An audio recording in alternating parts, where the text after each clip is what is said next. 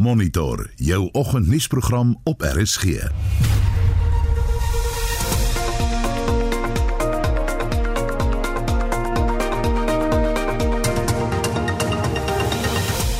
die program vanoggend se verkiesingsdebat fokus op die Solplaatjie munisipaliteit in die Noord-Kaap wat Kimberley en Platfontein insluit. Mense is maar uitgelag op die vergaderings en dan as jy direkte vrae gevra het is dit onseil. So ek dink regtig nie iemand behalwe die munisipaliteit self weet wat hulle met daai geld gedoen het indien enige iets. Mense betoog steeds te midde van 'n militêre teenwoordigheid in die strate van Sudan. That's why the young Sudanese generation have seen what freedom means, and they cannot accept to go back again to the same old regime. En polisiestasies in Suid-Afrika word 'n gewilde teiken vir boewe. En veral as dit 'n klein polisiestasie is en jy weet daar's min polisielede aan diens. Die ouens loop nie met hulle vuurwapens in hulle hande rond nie. Vuurwapen is op die sy, jy's besig om jou werk te doen. Dan stap jy ou daarin met 'n vuurwapen en jy's magteloos. Goeiemôre, ek is Anita Visser, baie welkom by Monitor. SAK nuus. Onafhanklik, onpartydig. En hier is Jomery met 'n nuus en sosiale media oorsig. Goeiemôre. Beeld die Burger en Volksblad berig vanoggend oor die Protea paaltjiewagter Quentin de Kok wat hom gister aan die T20 Wêreldbeker wedstryd teen die Wes-Indiese eilande onttrek het. Dit na Cricket Suid-Afrika se besluit om die span te dwing om voor die res van die T20 wedstryde te kniel. Dit haal ook die uh, The Citizen se voorblad, die opskrif daar lê Cricket on its knees en op Twitter is die hitsmerk Quentin de Kok vanoggend heel bo aan die gewilde lys van onderwerpe. In ander nuus begin die matriek eindeksamen vandag. Meer as 124000 matriek skryf vandag Engels eerste taal en meer as 609000 matriek skryf Engels tweede addisionele taal. Cape Times berig hieroor. Good luck class of 2021. Op Twitter is mense egter bekommerd oor die instelling van fase 2 beurtkrag tydens die matriek eindeksamen. Die hitsmerke load shedding en Eskom is gewild. Die kragverskaffer het gister aangedui dat beurtkrag tot en met Saterdag geïmplementeer sal word. Dan berig Daily Dispatch uh, reprieve vir Premier and Madikizela. Die Hooggeregshof in Bisho in die Oos-Kaap het gister beslis dat die Oos-Kaapse premier, Asker Mabuyane, en die ALR vir openbare werke, Babalo Madikizela, se skorsing tydelik op sy gesit moet word, dit na die openbare beskermer Busisiwe Mqobane se aanbeveling dat die twee weens beweerde bedrog wat verband hou met Winnie Madikizela se begrafnis geskort moet word. En dan Jacob Zuma as ook Billy Downer is twee gewilde onderwerpe op sosiale media dit nadat die hof uh, Zuma se aansoek vir advokaat Billy Downer om hom aan die wapenkorrupsie verhoor te onttrek van die hand gewys het. Pretoria News berig vanoggend hieroor. Zuma instructs lawyers to file appeal. En dit was Jomery Verhoef. Vanoggend se verkiesingsdebat fokus op die Solplaatjie munisipaliteit in die Noord-Kaap wat Kimberley en Platfontein insluit. Die politieke partye wat deelneem is die ANC, die DA, die Vryheidsfront Plus en die Patriotic Alliance. Die debat begin soos normaalweg om kwart voor 7 en duur tot 8 uur met 'n onderbreking vir die nuus, die markte en die weer. Nou as jy daar woon, werk of boer, laat vir ons weet watter diensleweringprobleme jy ervaar en het daardie probleme 'n groot impak op jou lewe of sakeonderneming. Jy het ook die kans en dis baie belangrik om jou vrae direk aan die politiek te stel. Stuur jou vrae na ons, ons vra daai vrae aan hulle. Deel jou mening, stuur 'n SMS na 45889, dit kos R1.50 of gaan na ons Facebookblad of WhatsApp 'n stemnota aan na 076 536 6961 076 536 6961 Die paaltjie wagter en bowler Quentin de Kok het hom glo nie vir die wedstryd in die Wes-Indiese eilande beskikbaar gestel nie omdat hy nie met Cricket Suid-Afrika se buig die knie voorskrif saamstem nie. De Kok het weens persoonlike redes nie deelgeneem nie en KSA ondersoek die voorval. Cricket Suid-Afrika se raad sê nadat alle faktore insluitend spelers se siening in ag geneem is, het hulle eenparig besluit om riglyne daar te stel waar volgens alle Proteas die knie moet buig voor die begin van die oorblywende T20 Wêreldbeker wedstryde. Met die kniebuiging moet spelers op 'n konsekwente en 'n eenparige wyse standpunt teen rasisme inneem. Kommer is vroeër uitgespreek oor die verskillende wyse waarop spanlede the Black Lives Matter beweging steun en dit het gelei tot 'n onbedoelde persepsie van verdeeldheid of 'n gebrek aan ondersteuning vir die inisiatief. Die raad sê gegee Suid-Afrika se geskiedenis, is dit noodsaaklik dat die span konsekwent standpunt teen rasisme inneem. Die paltjiewagter kolwer Quentin de Kok het hom onbeskikbaar gestel vir die Proteas se internasionale kriketraad wedstryd teen die Wes-Indiese eilande in Dubai. Hy het die Riza Hendriks vervang terwyl Heinrich Klasen die handskoene dra. Die Proteas se kaptein Temba Bavuma het die lood gewen en besluit om eerste te bil. Intussen word daar berig dat Lekok hom aan die span onttrek het omdat hy nie met die kniebuig voorskrif saamstem nie. Die burgerregte organisasie AfriForum se sportbestuurder, Ronald Peters, sê die organisasie ondersteun de Kok se standpunt. AfriForum ondersteun die standpunt wat Quentin de Kok ingeneem het om op te staan vir sy regte en die reg om te kan besluit watter inisiatiewe hy wil ondersteun. Ons ondersteun verder hierdie besluit omdat die standpunt wat Kriket Suid-Afrika in hierdie geval geneem het onregverdig is en verskeie menseregte skend. Dis egter nog nie amptelik bekend hoekom Quentin de Kok hom nie vir die span beskikbaar gestel het nie.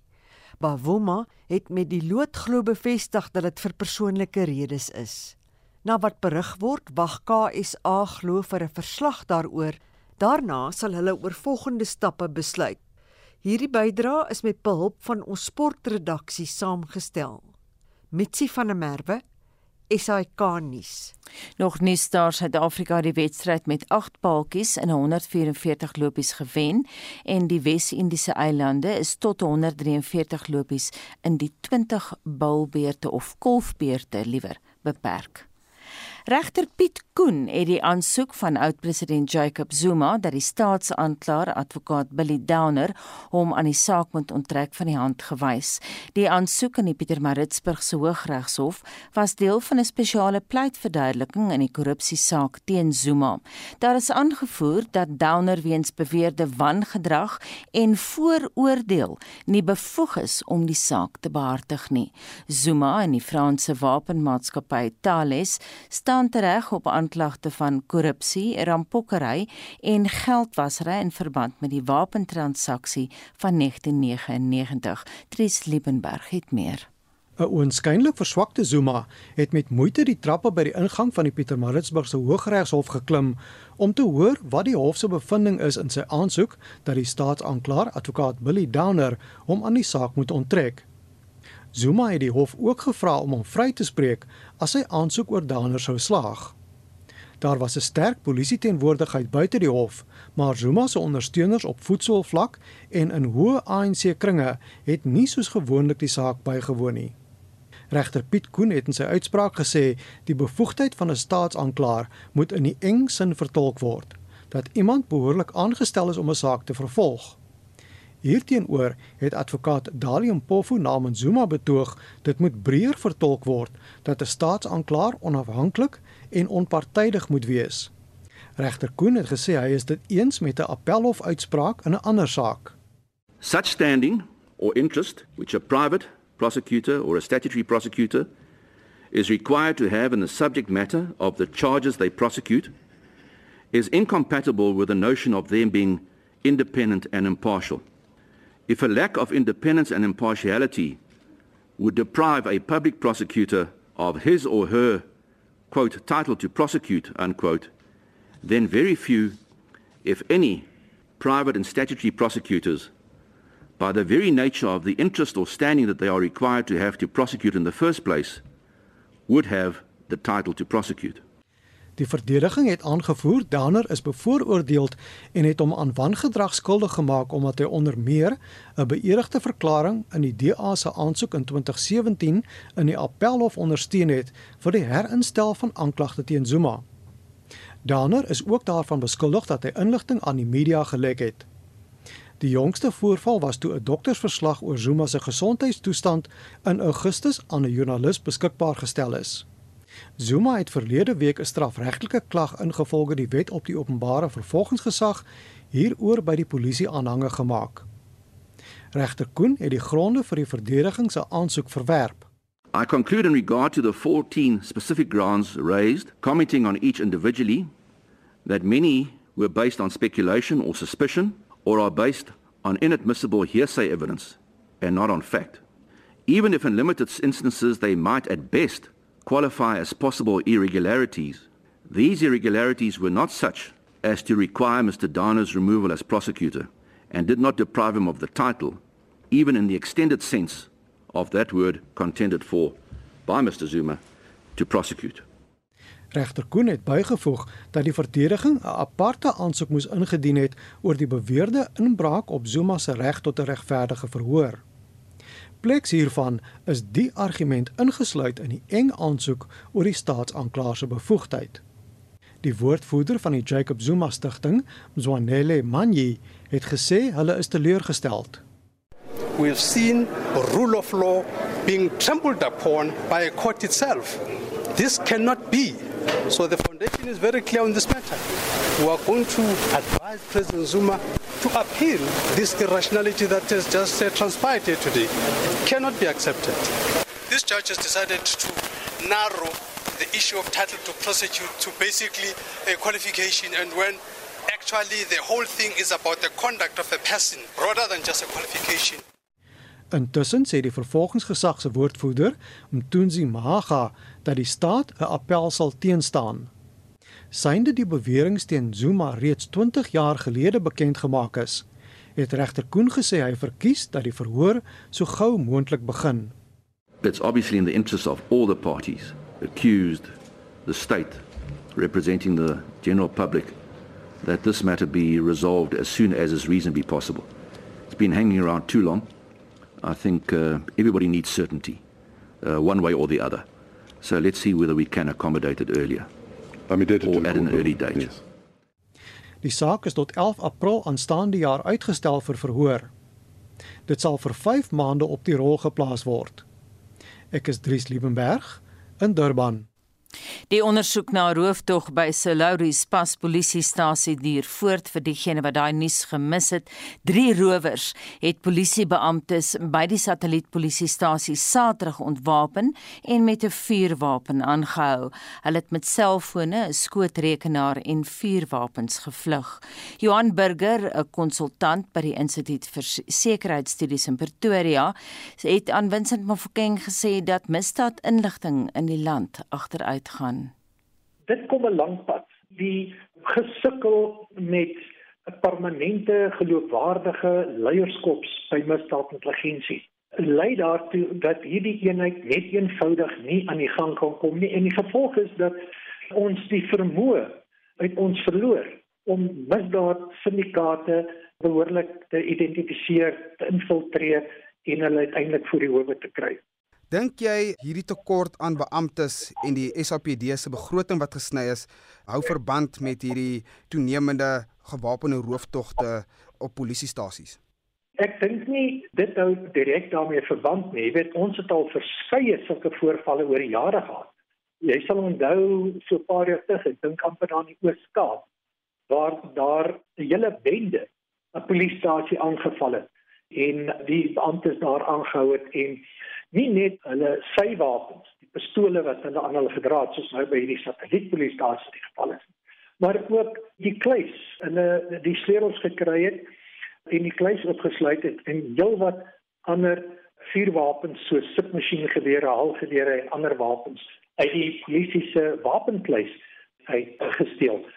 So dit kom oor die jare ek het al begrip vir die polisie. Onthou 'n polisiestasie of dit nou 'n satellietstasie, 'n klein of 'n groot polisiestasie is, moet ten opsigte van sy gemeenskapsdienssentrum die ou daar is daar gepraat van die aanklagkantoor moet toeganklik wees vir die publiek op 'n 24 uur grondslag. So ek weet daardie polisielede werk daar en 99% van die tyd is dit maar lede van die publiek wat inkom een of ander diens kom vra of om 'n verklaring af te lê of ongeluk te rapporteer vra dat sertifikate gesertifiseer moet word, gewone polisieeringsdienste. So daar's 'n gevoel van gemaklikheid daar in die aanklagkantoor uh, of gemeenskapsdienssentrum en weet daar is nie 'n vrees, die lopende vrees dat jy die volgende teiken van misdaad gaan word nie in die, in daardie kantore nie. En omdat kriminele bewus daarvan is dat jy weet dit maklik is om toegang tot hierdie kantore te kry, is dit maklik en en veral as dit 'n klein polisiestasie is en jy weet daar's min polisielede aan diens. Die ouens loop nie met hulle vuurwapens van hulle hande rond nie. Vuurwapen is op die sy, jy's besig om jou werk te doen. Dan stap jy ou daarin met 'n vuurwapen en jy's magteloos. Daar's nie 'n manier hoe jy 'n vuurwapen betyds kan uithaal om die aanval af te weer nie. So polisie stasies is in 'n sekere sin 'n sagte teiken sou hierdie situasie vererger, dan dink ek gaan hulle maatreëls soos in die ou dae moet instel waar jy 'n toegangsbeheer gaan moet toepas. En dis nie iets wat 'n mens uh, ligtelik wil doen nie. Ek wil ook nou kyk na die gebruik van tegnologie of die gebrek van die gebruik van tegnologie om misdaad te bekamp in Suid-Afrika. Ja, dit daar was geen twyfel nie dat daar baie groter gebruik gemaak moet word van tegnologiese hulpmiddels en ek dink die polisie het al ver gevorder op daardie pad. Jy hoef net by 'n polisiestasie te kom te sien byvoorbeeld hoe die aanmelding van sake nou elektronies gedoen word en nie so seer meer by wyse van registers so vroeër jare nie. Daar is baie ander ontwikkeling wat nog gedoen moet word, maar jy weet, as 'n mens van hierdie goed praat en ek weet die polisie het planne in plek en is met sekere goed aan die gang. Uh, en hulle kom nie waar hulle wil wees so vinnig as wat 'n mens dit graag sou wil sien nie. Ons praat byvoorbeeld van die sogenaamde e dossier stelsel elektroniese dossier stelsel wat hulle sukkel om hier aan die gang te kom en so maar dit is die kleinste van die polisie se probleme op die oomblik. Jy weet, daar is soveel inherente gebreke in die polisie. As jy van die dissiplinêre stelsel wat in 'n groot mate in duie gestort het. As jy gaan kyk na bevel en beheer op baie plekke wat omtrent nie bestaan nie of wat so swak is dat daar nie enige gevolge is verlede wat hulle skuldig maak aan enige tipe van wangedrag nie.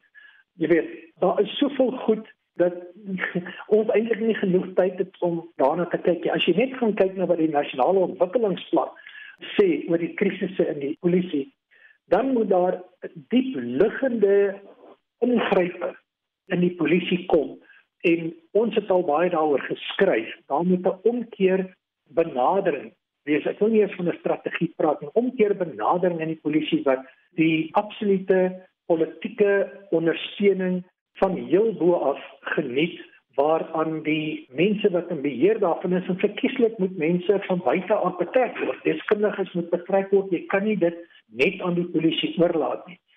Betrek 'n paneel of panele van kundiges in die polisie hulp saam te wees en dan moet hierdie mense gemonitor word hierdie spanne wat verantwoordelik is vir die implementering van hierdie veranderings wat die polisie geïmplementeer moet word sodat hierdie goed gebeur en dat dit nie net by by planne en beloftes bly nie. So solank as wat hierdie goed nie gebeur nie, gaan ons hierdie agteruitgang sien in die polisie diens soos op baie ander terreine in uh, in Suid-Afrika ten opsigte van baie ander staatsinstellings. Maar ten opsigte van die polisie verseker moet daar iets dramaties gebeur om hierdie uh, uh verval en agteruitgang om te keer. En so waarskynlik Johan Burger van die Instituut vir Sekuriteitsstudies in Pretoria en hy het met Vincent Mofokeng gepraat. Jy luister na Monitor elke weekoggend tussen 6 en 8. 631 die hoofnuus gebeure matrikulante begin vandag landwyd met hulle eindeksamen. Kommer oor die lae inentingskoers van mense wat hulle tweede inenting teen COVID-19 moet kry. En volgens se verkiesingsdebat fokus op die Solplaatjie munisipaliteit in die Noord-Kaap wat Kimberley en Platfontein insluit. Bly by ons.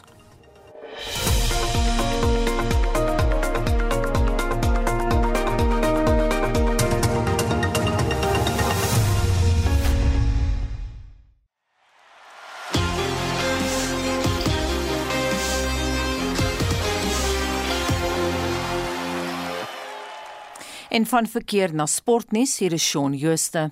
In vanoggend se verslag kyk ons na die Proteas oorwinning by die T20 Wêreldbeker toernooi Banyana Banyana reken weer met Mosambiek af en Lloyd Harris verloor sy eerste ronde wedstryd in Oostenryk.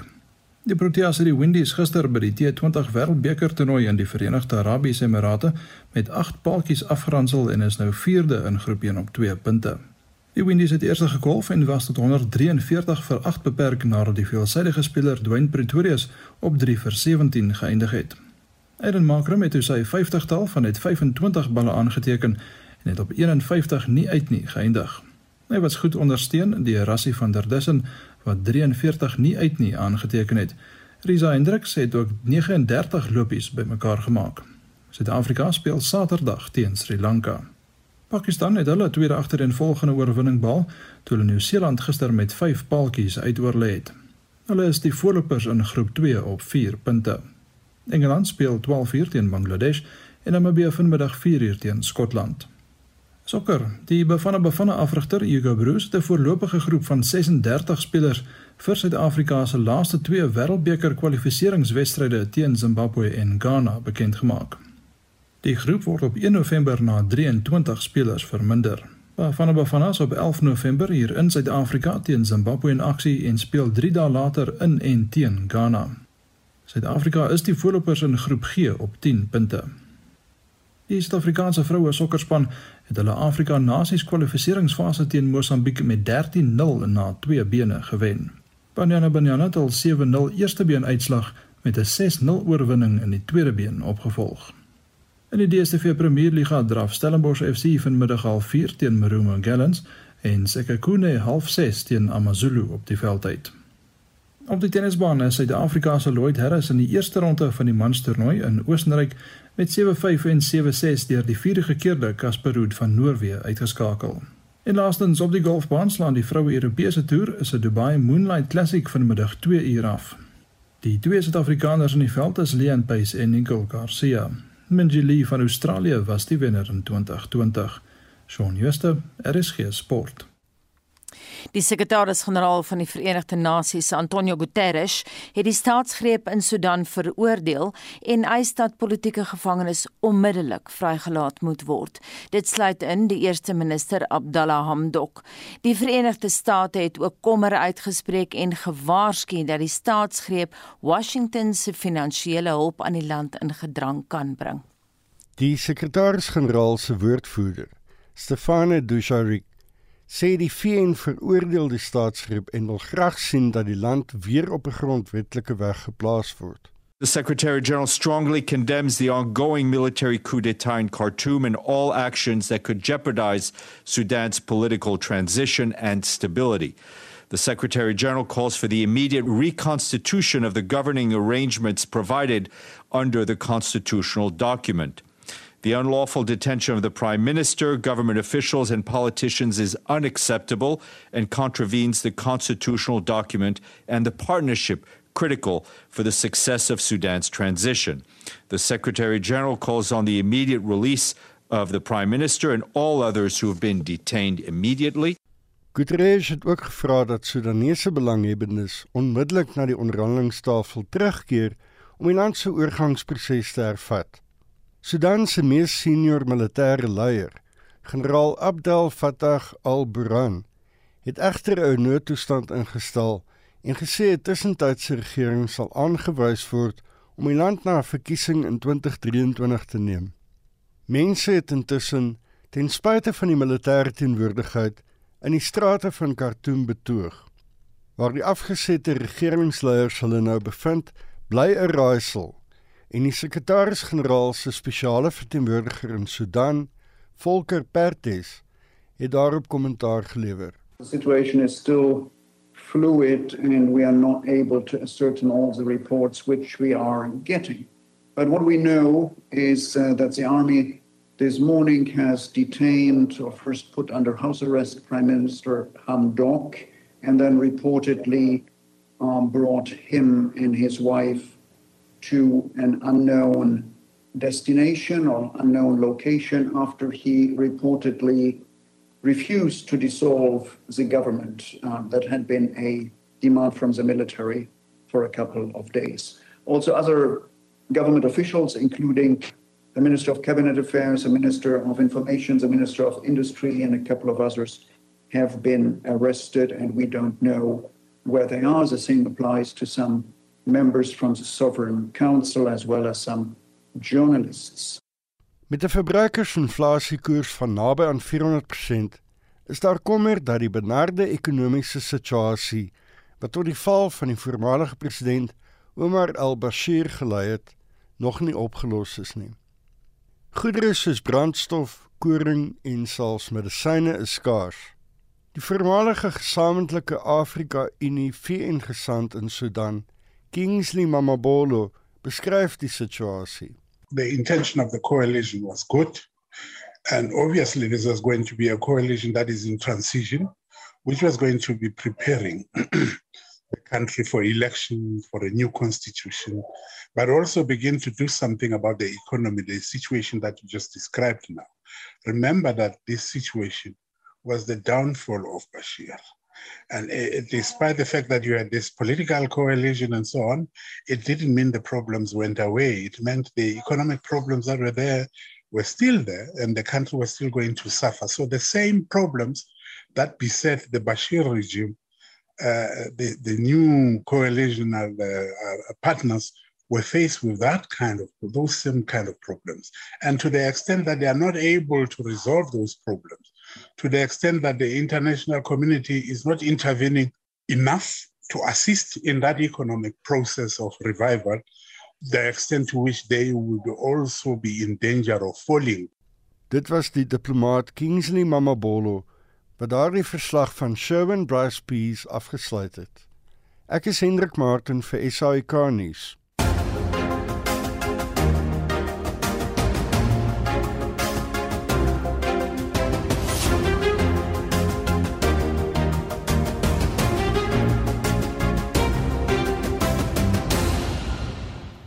Die DA se burgemeesterskandidaat in Johannesburg, Mpo Palatse, sê indien sy burgemeester sou word, sal wanbetaling van elektrisiteitsrekeninge nie geduld word nie.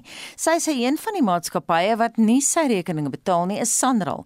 Palatse dreig boonop om die kragtoevoer na Etolleke in Johannesburg af te sny as sy burgemeester sou word. You get provincial and national governments or departments or entities that are within the city of Johannesburg, operating within the city of Johannesburg, consuming water, electricity, and other services within the city of Johannesburg and simply not paying. Sunral where it operates within the city of Johannesburg, is owing money to City Power, yet they continue to receive electricity from City Power. And what this means is that the Joburg resident is the one that is paying for the electricity that's keeping Central e-tolls on.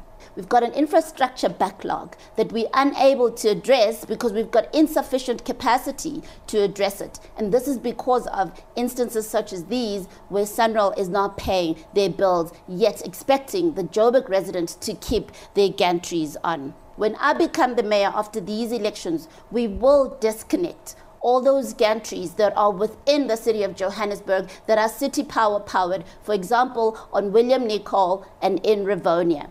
A DA like Joburg will clamp down on the culture of non payment that we have seen for so many years. Any government department, any entity, any company, or any resident that can afford to pay that is within the city of Johannesburg and is not paying for services will be cut off.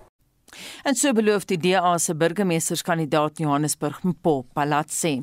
Dis nou kwart voor 7 en soos gebruiklik tyd vir ons verkiesingsdebat. Vanoggend val die fokus op die Solplaatjie munisipaliteit in die Noord-Kaap. Ter agtergrond, die portefeulje komitee oor samewerkende regering en tradisionele sake het die munisipaliteit vroeër van die jaar voorstok gekry oor verkwistende uitgawes van 165 miljoen rand in vorige jare en 40 miljoen rand in vanjaar alleen. Ons praat ver oggend met die LER van plaaslike regering, Bentley Vas van die ANC. Goeiemôre Bentley. Goeiemôre, ja, goeiemôre aan alle luisteraars. En dan ook Piet Lou van die DA. Goeiemôre Piet. Goeiemôre. Wynand Boshoff van die Vryheidsfront Plus. Goeiemôre Wynand. Môre Anita en al RSG se luisteraars. En dan Fernando Visagi van die Patriotic Alliance. Goeiemôre Fernando. Goeiemôre, goeiemôre RSG en goeiemôre luisteraars. Elke kandidaat kry nou 2 minute om sy manifest voor te lê aan kiesers en ons gaan begin met Bentley vas van die ANC. Ek wil net vir al die deelnemers sê, ons is baie streng oor die tyd. As jy oor jou tyd praat, sal ek jou in die rede val. Bentley vas, jy 2 minute. Uh, goeiemôre aan net en goeiemôre aan alle luisteraars op RSG. Ehm um, baie dankie vir die geleentheid. Ek dink dat die ANC ons is baie duidelik ten opsigte van ons manifesto dat ons sê uh ons wil saamwerk om beter gemeenskappe te bou sodat ons kan aangaan met ons mandaat om te verseker dat ons kry, ons ons skep 'n beter lewe 'n plan vir ons mense om 'n beter lewe vir almal te skep. Basies ons fokus wat ons sê ons fokus sal wees om seker te maak dat ons ehm um, meer water, sanitasie en baie elektrisiteit grond behuising bring na ons mense toe. Wat ons ook sê is dat ons ons deur 'n proses gegaan om ons kandidaate so te kies soos wat gemeenskappe gevra het van ons. Ons sê dit is belangrik dat ons die beste mense moet vat om ons munisipaliteite te bestuur. Dan is ons fokus breed, breed om te kyk na werkskepping en ook ekonomiese ontwikkeling. Ons wil kyk om geïntegreerde regering daar te stel wat saam met ons mense kan werk. Maar dit is ook vir, vir ons belangrik as as die ANC regering is om te kyk na voedselsekuriteit. Ons is ernstig oor die beperkings oor die uh, geveg teen uh, korrupsie en om seker te maak dat daar is besparing in munisipaliteite dat geld nie onnodig gemors word op onbenullighede nie. Ons wil ook sê is belangrik dat ons wil seker maak dat ons munisipaliteite is is, is finansiëel onafhanklik en dat ons seker maak ons bou uh, on, ons bou uh, uh veilige gemeenskappe. Ons kyk dat die issue van crime ons weet daar's baie uh, drugs en alkohol um verwante dinge in ons provinsie en dis wat ons sê ons wil saamwerk sodat ons um kan fokus op uh, onderrig, opleiding spesifiek om ons jong mense um te bemagtig. En dan sien ons ook ons wil kyk Baie dankie dit dan Bentley vas van die ANC. Ons gaan nou na Piet Lou van die DA. Jy 2 minute. Baie dankie Anita, goeiemôre aan die luisteraars en baie dankie vir die geleentheid. Ons in die DA wil graag 'n paar goedes regmaak. Ek wil begin deur te sê dat ons wil kyk dat ons die basiese dinge reg kan kry. Ek dink as elke persoon daar se reg om te sorg en te ontvang dat daar skoon water is in elke huis. Uh ons moet spesifiek geld wegsit vir herstelwerk om nuwe werksgeleenthede modelle personeel te skep om ag laat ons dan seker maak dat alles lekker herstel kan word en die agterstand uitgewis kan word. Ons het graag met die wêreld gehalte paie wil skep en kry ook in Kimberley. Die DEA sal 'n veilige goed versorgde paai belê. Uh eenheid toe toegewy tot wat herstelwerk te skep en die moontlikheid te maak dat ons probleme op WhatsApp en uh Facebook kan rapporteer. Ek dink dit is baie belangrik dat ons dan 'n kommunikasie kan hê daarson. Die ideaal se graag ekonomiese geleenthede belok deur basiese dienslewering regter, betroubare water, bekostigbare krag, beter paai en veilige strate sal plaaslike besighede help om te groei en werk te skep. Baie dankie. Maak klaar daar. Ek uh, gaan voort.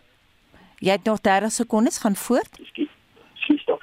Uh, ons sal graag misdaad het uit uh, uitgroei en ons sal volbare behuising, volhoubare behuising wil skep vir ons mense in die dorp. Ons mense reg uh, regte is baie belangrik.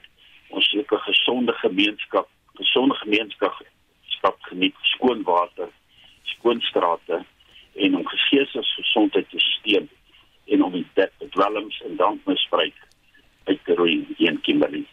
Baie dankie. Ons gaan nou na Wynand Boshoff van die Vryheidsfront Plus. Jy het 2 minute Wynand.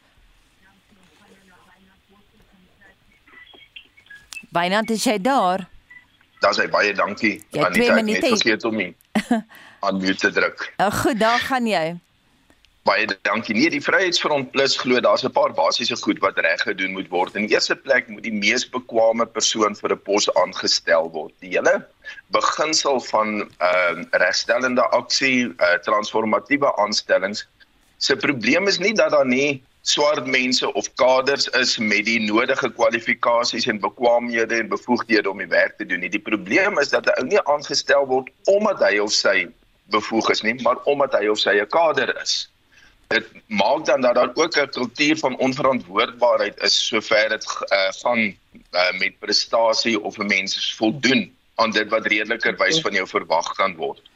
Dis 'n probleem wat redelik van bo tot onder uh, in die munisipaliteit uh, sy kop uitsteek, natuurlik in die hoogste poste eerste. Daar het ons vir al die probleem gehad met faksiegevegte binne die ANC en die hele kultuur dat mense heen en weer spring tussen 'n politieke loopbaan en 'n staatsdiensloopbaan in die munisipaliteit wat maak dat uh die die uh, gewone goed wat eintlik buite die bestek van die politiek behoort te val binne die politiek ingebring word. Dan is die volgende belangrike kwessie is om armoede uit te roei. Die metode om dit te doen is groei. Uh die ANC se regering uh, fokus op herverdeling as 'n metode om arme mense nie meer arm te hê nie, maar as jy groei het, dan kan jy mense uit die ellende en die armoede uit ophef sonder om die bronne van daardie welvaart uh tot nul te maak. Ander woorde, 'n uh, beleid van groei en 'n beleid van uh bekwame aanstellings. As jy daar begin, gaan die meeste goedes van self regkom. Baie dankie Anita. Baie dankie aan jou dan Fernando Versace van die Patriotic Alliance jou 2 minute begin nou. Goeiemôre luisteraars. Ja, uh, vir my om te begin uh, in die beginpunt van ons nasionale objektief in terme van ons uh, manifesto, uh vir ons met geestelike be uh, beginsels 'n uh, uh, standpunt maak. So een van ons uh, dinge sou wees uh, ons bring geestelike opvoeding terug in skole in ons gemeenskappe.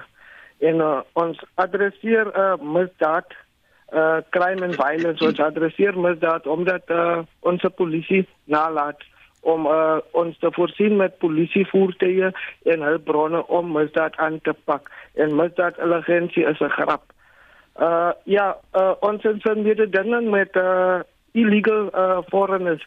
So uh, ons het ook uh, baie sterk standpunt daarso wat ons sê wanneer ons begin in regering kom, moet ons dit aanspreek ons grensposte aanspreek om illegal foreigners uit ons uh gemeenskappe uit te kry en uh laat die mense verstaan dat ons kan nie in kompetisie is met mense wat nie uh prosedures volg om uh, deel uit te maak van ons uh uh, uh stad nie in ons cities nie. So ANC het het 'n prinsip geskep dat mense nie moet betaal vir se of sekere mense nie moet betaal vir munisipale uh, uh dinge dienste nie. En uh, ons het met die probleem van ons mense se kragte word geblok ons betaal hoë tariewe. So een van ons beginsels sal wees om met 'n zero rating principle te begin vir 'n clean slate sodat ons mense 'n blaaskans kan kry om om om om skoon te begin en van daar af kan ons die dissipline handhaaf dat daar sal verwag word van mense om te betaal, maar dit is baie onregverdig dat ons moet betaal vir die hoë elektrisiteit uh, tariewe. Ja, en uh werkloosheid is 'n groot kommer in ons land ons het uh, ons regerende partye geleenthede gegee. Baie dankie, jou tyd is klaar. Dit dan Fernando Fissachi van die Patriotic Alliance. Baie dankie meneere. Vir luisteraars van elders in Suid-Afrika, die Noord-Kaapse premier Dr. Zamani Sol het 6 maande gelede 500 miljoen rand bewillig vir die herstel van slaggate, waterlekkasies in rioolsuiweringswerke op Kimberley. Nou Sol het beloof dat die dorp se infrastruktuurprobleme teen die einde van die jaar 2021 iets van die verlede gaan wees. Maar Chantel Brits van die Belastingbetalersvereniging op Kimberley sê weinig is gedoen. Kom ons luister na wat sy gister aan Monitor gesê het. Ek dink nie iemand weet regtig wat daarmee gebeur het nie want vra word om vuil maar rondom dit. Ons het met hulle probeer vergaderings hou weekliks om te sien hoe die werk vorder wat hulle beloof het gedoen gaan word maar mense is maar uitgelag op die vergaderings en dan as jy direkte vrae gevra het is dit onsuil So ek dink regtig nie iemand behalwe die munisipaliteit self weet wat hulle met daai geld gedoen het indien enige iets Chantal Brits van die Belastingbetalersvereniging op Kimberley wat so kla. Ek wil sommer daai eerste klagte na jou toe gooi Bentley vas. Jy het self gehoor Chantal. Sy sê alles uitgelag op vergaderings. Is dit so? Uh baie dankie Anet. Anita. Wil ek, An Anita, ja. baie dankie. Uh, Eerstens wil ek sê um, ek kan ek kan getuig dat daar word baie gedoen rondom die uitwissing van slaggate binne Kimberley en um, en ook ander dele van van Solplaatjie in die Noord-Kaap. Die fokus is nie net op op op op Solplaatjie nie, die fokus is ons kyk na na slaggate in die totale provinsie. Maar ehm um, soos gister het ek gery in een van die strate in Kimberley en ek kan bevestig dat die werk is aan die gang. Ek kan ook bevestig dat baie dele van Kimberley want jy moet verstaan, Ehm um, ons kan nie net fokus net op die die die die die CDP van Kimberley nie. Daar word ook gekyk na ander dele van van van van van Kimberley. So ek kan bevestig dat die dat die werk is aan die gang. Ehm um, mense se strate lyk baie beter in vergelyking met wat gelyk het 'n jaar gelede. As mense eerlik weer wees, sal hulle sê dat daar 'n verskil wat gemaak word. Maar ek wil ook fokus op die 500 miljoen wat wat wat bevestig wat wat wat geskenk is van die provinsiale regering aan plaaslike regering. Mm dit fokus nie net op die op die toemaak van slaggate nie. Daar's 'n reeks van ander dinge wat daarmee gepaard gaan om seker te maak dat ons verbeter die omstandighede van ons mense en die kwaliteit van ons mense se lewens binne um Solplaatjie munisipaliteit. Een van die dinge wat ek wat ek ook kan bevestig binne die 500 miljoen wat gedoen is, is dat ons dit ook gefokus rondom behuising sodat ons mense behuising kan net um, omdat ons weet behuisingsnood is groot binne die Noord-Kaap ons het 'n agterstand van 76000 eenhede um, rondom basing en ek dink ons is besig om baie hard te werk. Daar's 'n gedeelte soos jy inkom um, binne Kimberley ons noem dit in 12 uh, ontwikkeling waar daar um, grond beskikbaar is uh, die provinsiale regering grond gekoop het om te kyk dat ons aandag hier uh, om om om huise te bou, dienste te skep, ehm um, strate uh, opgeknap word. Be Bentley jy het al klaar gepraat oor die behuising en so aan. Ons moet die ander partye net vinnig kans ook gee. Okay. Uh yes. Piet Piet Lou yes. van die DA jy het verwys nou nou na die feit dat jy soek goed versorgde paaie die DA sal daar versorg. Wil jy vinnig repliek lewer op wat Bentley vasgesê het? Ons sal na 7 terugkom na die ander partye toe. Jy het gehoor wat hy gesê het wat hulle maak met daai 400 miljoen. Enige repliek? Piet Lou van die DA. Anita, Anita ek ek sukkel bietjie net met my uh om mooi te hoor daarso. Jy jy wil net met Rebek klewe op uh, Bentley se. Of wat Bentley nou gesê het oor wat hulle doen aan die hulle is besig om die paaie reg te maak. Hulle is besig om daai 400 miljoen rand wat hulle gekry het uh beskikbaar te stel vir behuising en so aan. As daar 'n probleem is, moet ons net later met die klankingenieur praat want dit gaan baie sukkel as jy nie kan hoor wat gesê word nie. Maar net julle reaksie daarop. Uh, ek sê dit in kort nie daaroor sê. Weet ek sou graag wil sien en uh, wat daar meer moet gedoen word oor die paai en kinders oor die slagpade want ons kry nie ons kry nie dit gedoen wat daar gesê word gedoen nie. Uh die paai wat herstel word is net hier en daar. Ons kan nie net op klein deeltjies fokus nie. Want die manier wat ons die paai ook dan herstel is nie reg nie uh, ek voel hulle moet dit beter opgelei, meer geordende en hulle moet meer gaan en op 'n beplande manier die paaie kan herstel. Baie dankie dit aan die DA se Piet Lou. Ons het nie nou verder tyd vir die debat nie, want dit is sewe en tyd vir die nuus.